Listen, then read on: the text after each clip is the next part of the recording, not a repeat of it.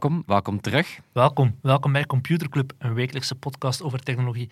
Iedere aflevering selecteren Freddy en ik een interessant artikel en presenteren we een feitje. Ja, en even terugkomen op een artikel van vorige week, of je Wat weet je van vorige week, dat ging over Pandora, hè? Amai, ja, ik was al vergeten. Ja, ik weet het ook niet meer. Eh, nee, wat Bram wist ons vertellen, dat we vertelden dat Pandora eh, met super specifieke aanbevelingen komt, omdat ze echt crazy granulair eh, dat nummer analyseren. Ja. En we zeiden toen van ja, Spotify doet dat vooral op de sociale laag.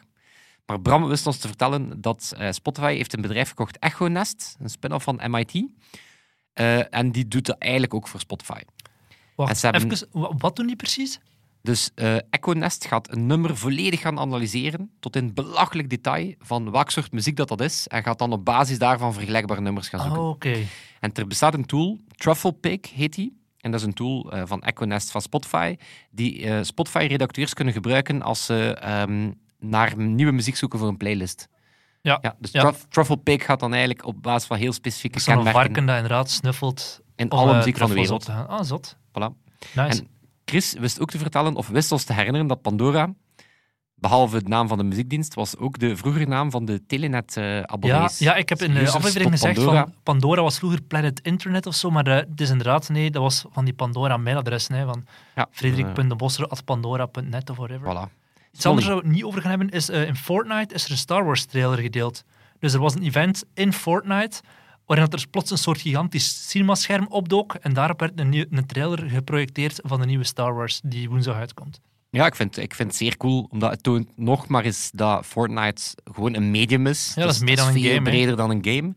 En eh, het is wel cool dat, eh, dat Star Wars hiermee gewoon zegt van Fortnite-fans en Mhm. Star Wars-fans, daar is wel een redelijk groot Venn-diagram is een eh, overlap. eh, Venn-diagram te maken. yes.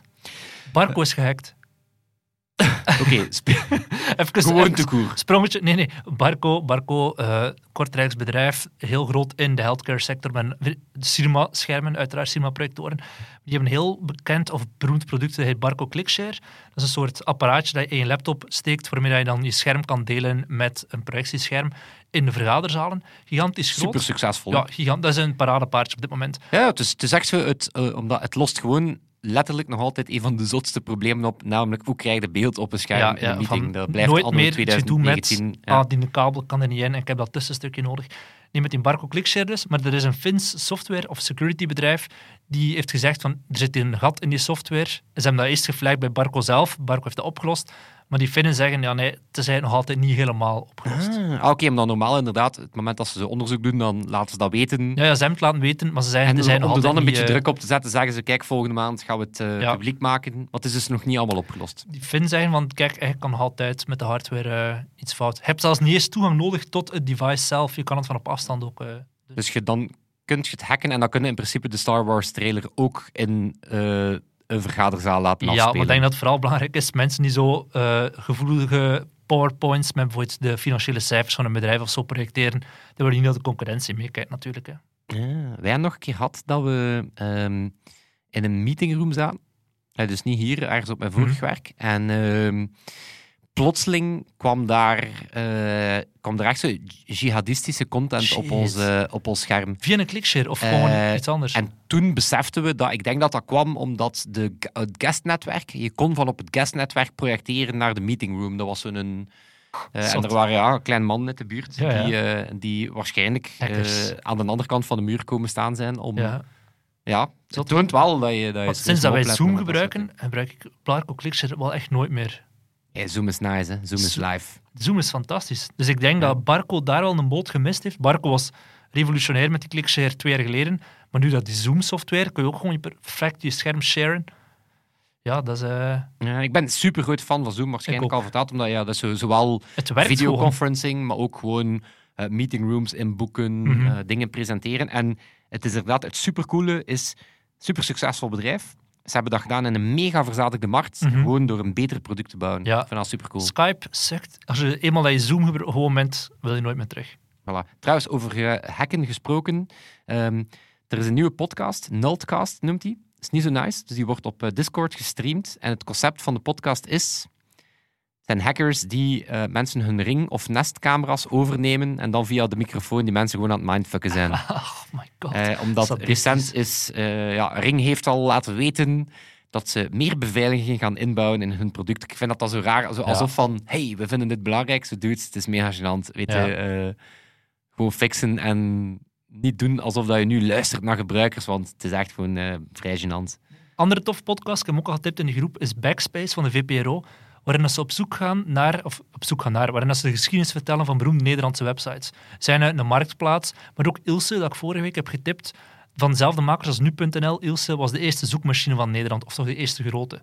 Dus het is praten met die mensen die eh, die website hebben groot gemaakt en waar dat dan fout is gegaan en zo. Ja, dus Backspace, voor de mensen die er nog net ruimte hebben om er een tweede Nederlandstalige tech-podcast Ja, bij er te zijn maar vier afleveringen en het duurt telkens met een kwartiertje, dus Ja, het is wel de nice. moeite. Nice. Smolly. Yes, het artikel dat ik deze week selecteerde, eigenlijk voordat ik het gelezen had, wist ik al, heb ik jou gestuurd gewoon, Freddy, ik ga dat gewoon dit artikel nemen, want ik wist, het gaat fantastisch En zijn. ik wist wie dat, dat was. Ja, het is een artikel dat in de Standaard Weekblad stond, een interview van zes pagina's met Koert van Mensvoort. Dat is een geschifte man en een van mijn favoriete techfilosofen. Dat is eigenlijk meer dan een techfilosoof, dat is eigenlijk een soort kunstenaar. We hebben Dries de Poorter die al een paar keer vernoemd. Wel, hij past in het rijtje Dries de Poorter, Daan Rozengaard, Tom Galle. Koert van Mensvoort, dat is kunstenaars die technologie gebruiken om iets over de mensheid te zeggen. En Ja. Het artikel begint eigenlijk al met een fantastisch goed voorbeeld. Op het bureau van eh Koert van Mensvoort staat een blikje Coating Cola. Dat is Coca-Cola, waar dat er nanocapsules in zitten. En je ziet ze niet, je proeft ze niet. Maar als je ze drinkt, dan neem je maag 24 uur lang geen calorieën op. En de vraag is, zou je ervan drinken, ja of nee? Het is uiteraard een volledig fictief voorbeeld. En Koert die heeft eh, de voorbije maanden een heleboel producten ontwikkeld, fictief allemaal, die hij in een soort eh, fictieve supermarkt gaat verkopen. Bijvoorbeeld een broekriem die buikvet omzet in energie om je gsm op te laden. Of een fles programmeerbare wijn, hè, en je zet die in een microgolf. En afhankelijk van hoe lang dat je hem erin steekt, krijg je Pinot Gris, een Sauvignon Blanc, eh, een soort andere wijn. Of, nog een ander product, een laxeermiddel tegen infobesitas. En dat helpt om overbodige informatie uit te scheiden. En dat is zo typisch Koert, die bedenkt aan producten. Het ziet er heel realistisch uit en zo. Maar het is altijd fictief, of toch heel vaak fictief. Maar de insteek is wel, het had waar kunnen zijn. En het vertelt altijd iets over hoe dat wij omgaan met technologie of met, eh, met de natuur en de dingen rond ons heen. Ja, maar is hij, hoe noemt hij een bredere beweging? Next Nature Next Network. Nature, ja, hè? de Scoot is verbonden aan de TU Eindhoven, Technische Universiteit. En heeft een soort non-profit opgericht, waarin dat hij kunst en wetenschap gaat combineren om een soort debat over technologie aan te zwengelen. En dat is wel cool. En zijn, zijn theorie, zijn achterliggende theorie is, dingen die gaan niet altijd zoals gepland. Als je bijvoorbeeld kijkt naar een, een eh, architect als Le Corbusier of ehm, de, de hoofdstad van Brazilië, die zijn zo hyper hard uitgetekend van kijk, zo moet een stad er volgens ons uitzien. En in de, in de, in de realiteit gaat het altijd mis. Je, zou nog zo goed mogelijk kunnen zeggen, zo moet de samenleving eruit zien, allemaal uittekenen. Maar hij zegt, uiteindelijk gaat de natuur er altijd overheersen ehm, en gaat het, gaat het stuk. Bijvoorbeeld, je kan nog de, de beste, met de beste wil van de wereld autostrades gaan uittekenen, maar er zal altijd ehm, iets misgaan waardoor er files ontstaan. Hij ziet ook, hij zegt bijvoorbeeld, tussen de link, het is heel abstract allemaal. hè. Het is een mens, je moet heel goed opletten en, en volgen wat dat hij zegt om te kunnen... eh, Het is wel echt een, eh, een, het is een goede spreker. Ja, hij is nog ja, op eh, absoluut. Shift op onze Fantastische- conferentie geweest. Zeer goede. Als je ooit, als je zelf een event organiseert en je zoekt een, opening een goede spreker die heel interessante punten brengt in een mooi gebracht verhaal, Ja. dan Ja, waar dat hij zeer goed in is, is abstracte ik denk dat we gegevens... er hier een procentje op krijgen. Hè, Ja, maar- Nee, het is niet zo. Abstracte gegevens heel tastbaar maken. Hij wou bijvoorbeeld iets zeggen over hoe dat wij als mens steeds meer genetisch gemodificeerde organismen willen maken, die aardappelen en whatever. Hij zei, ik ga genetisch gemodificeerde roggen, dus van die vissen maken.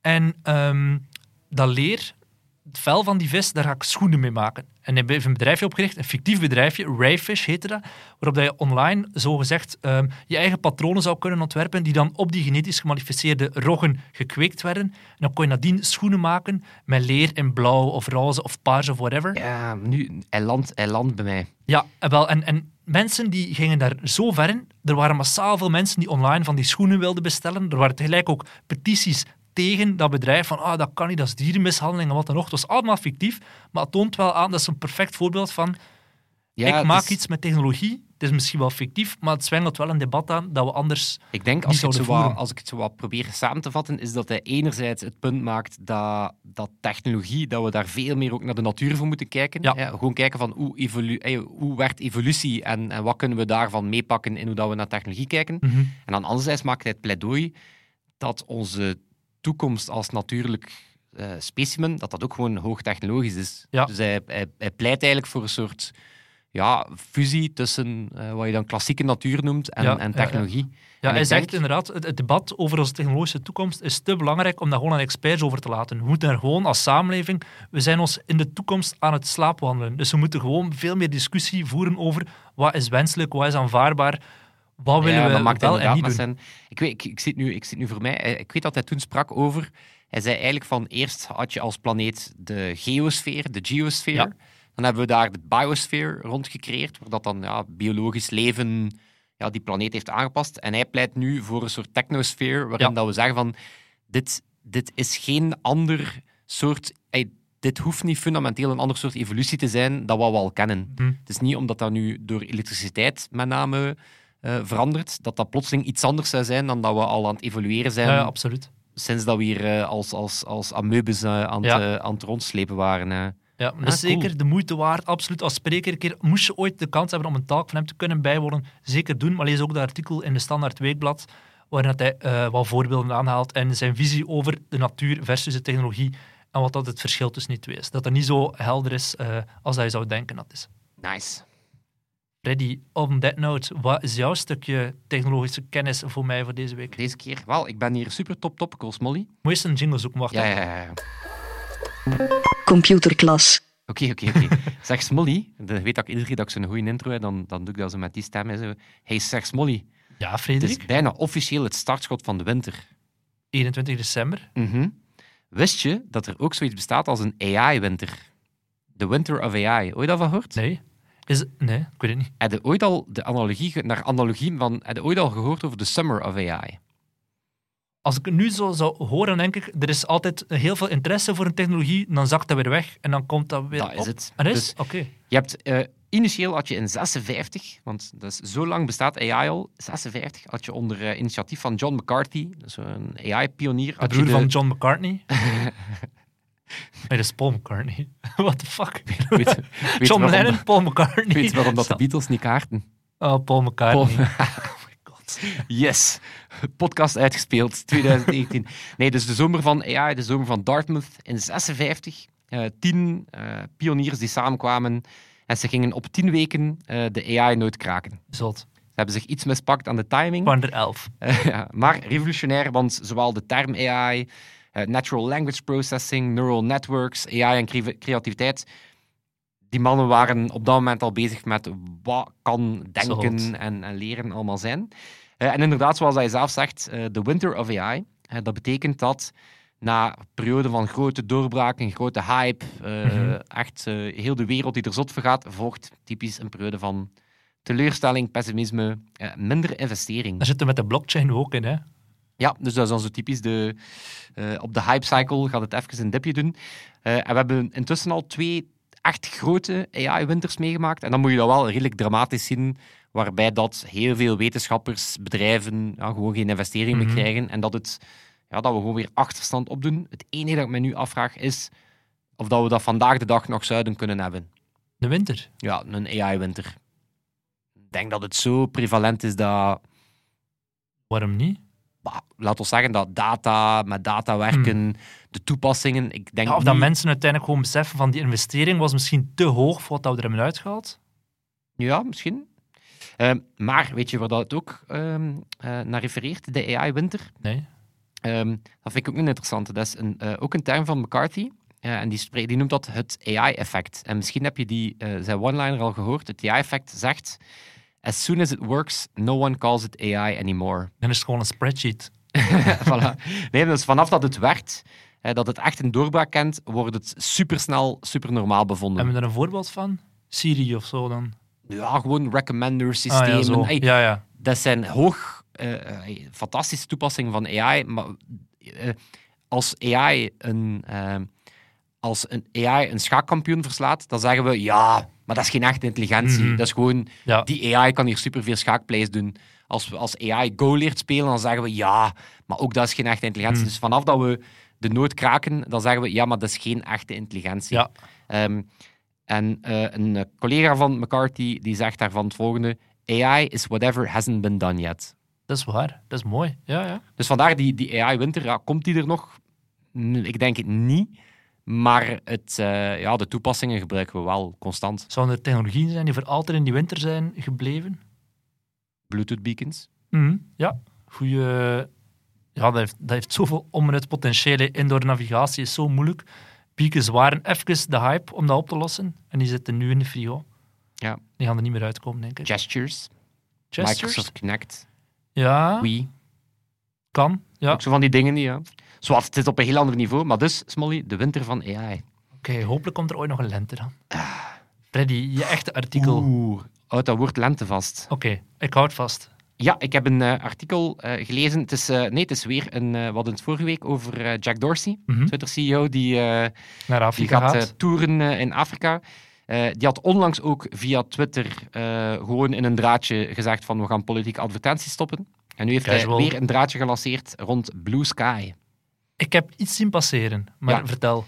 Het is eh, ook zeer toepasselijk. Het is Jack Dorsey die weer aan Blue Sky Thinking doet. En in enkele tweets eh, het idee knalt dat eh, hij heeft een team aangesteld ehm, die van Twitter een, of die, een, een protocol moet maken voor sociale media waarvan dat Twitter dan een van de grote gebruikers kan zijn.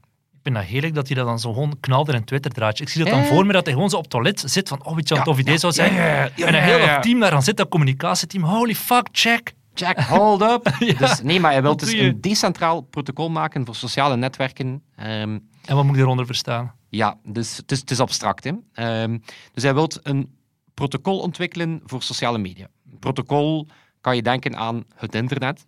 Een protocol om informatie uit te wisselen. eh, maar bijvoorbeeld een decentraal protocol, eh, e-mail. Ja. dan ga je dat eigenlijk lokaal gaan, eh, gaan trekken in een e-mail-client. Ehm, wat zou het voordeel zijn van het feit dat die ja, sociale media content niet meer op één plek staat, maar eigenlijk een soort decentraal gegeven is? Ehm, je, je, wordt, je moet dat niet meer centraal gaan modereren.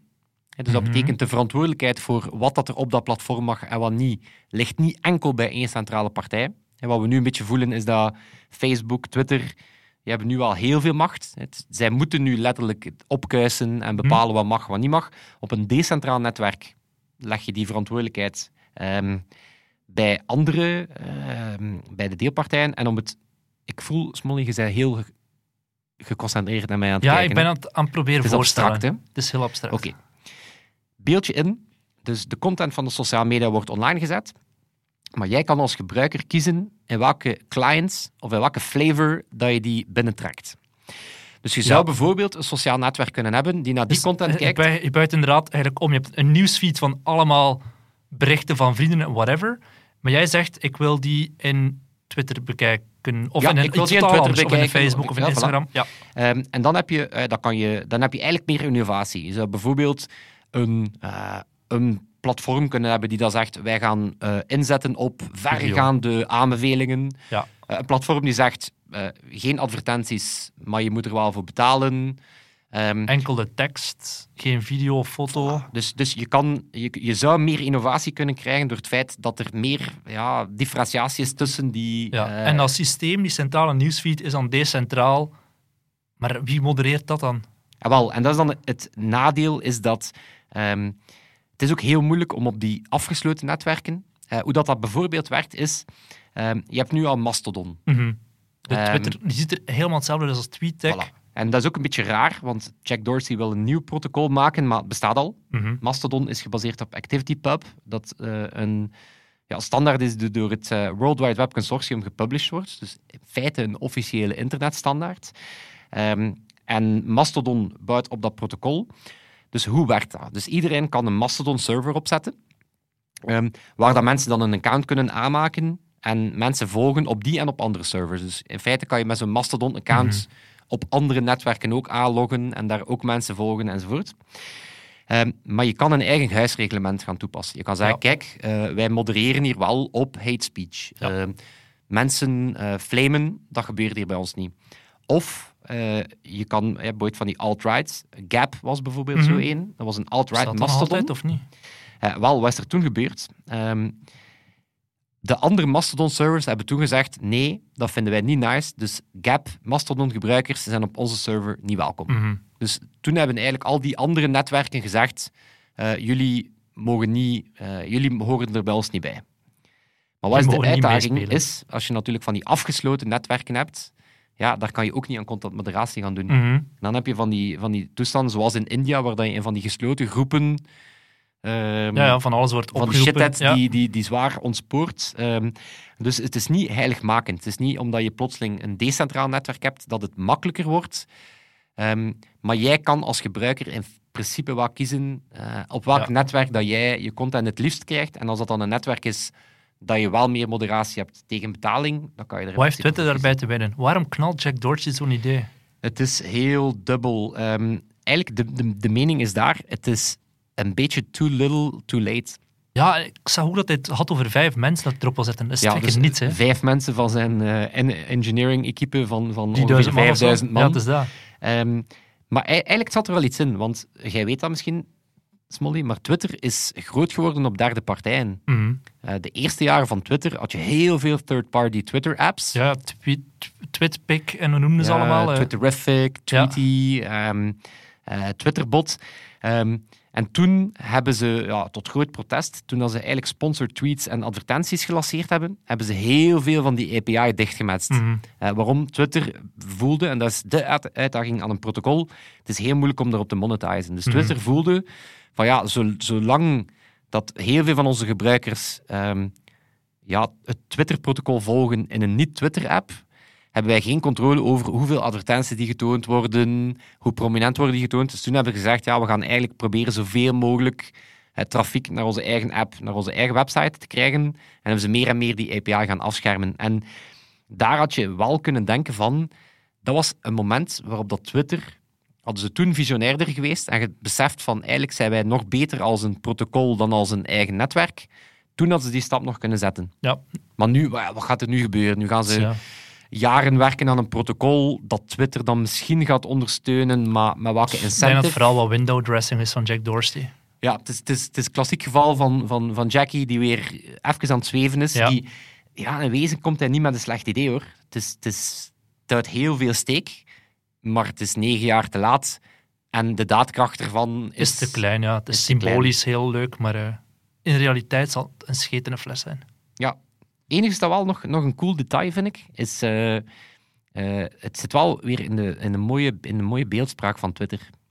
Trouwens, gelet hoe mooi dat de metafoor van Twitter werd. Een vogeltje, Je hebt, ja, tweet, Twitter, hè. hè, de, de- die, die tweet, hè, Mhm. die, die, het vogeltje. Wat is het icoon voor het startscherm? Dat vogeltje toch? Of, nee, ik weet het niet. De homefeed is een eh, vogelkastje. Ah ja, ja, ja. De avatar van iemand die nog geen avatar heeft, is een ei. Als je een nieuw tweet doet, dan kan je op een pluimpje duwen. En nu heb je ook ja, Blue Sky. Dat is het, luchtruim Wist je eh, dat opzoeken. van Mastodon? Hoe noem je een tweet op Mastodon? Wat is het symbool van Mastodon eerst? Ja, zo'n... eh ja, wat is dat? Een mammoet. Een mammoet, olifant. En een, tweet noemt daar een toet. Zoals dat zo'n... Ja, of- dat is het verkeerde voor. Ja, oké, whatever. Eh, zoals dat een olifant klinkt als hij op zijn trompetter blaast. Voilà, maar we zijn in het idee, in het idee wat een Ja. protocol... Absoluut. Ja, het doet er niet toe, want het gaat toch nooit slagen. Het zal niet slaan, maar het is mooi, eh, tof gedaan. Voilà. Oké, dan gaan we er weer uit, hè, Smolly. Dan gaan we eruit. Dan, wie moeten wij bedanken deze week? Eh, dit keer is het onze mastodon. Toon. Sebastian. Ah, Toon. Het is Toon, Mastotoon. Maston. Mastoon. Eh, en ja, zoals altijd knallen we ook wat verder in ons clubhuis. Hè. Ja, volgende week is het de week van kerstmis. maar We gaan toch proberen samenkomen. Voilà, tussen de kroketjes door Dus ja, spuwen we er eh, nog wat, eh, techweetjes. wat uit. ik heb wel een tof weetje voor volgende week. Oh, ja, ik ben wel benieuwd. Oké, tot volgende week. Tot dan. Yo. Yo.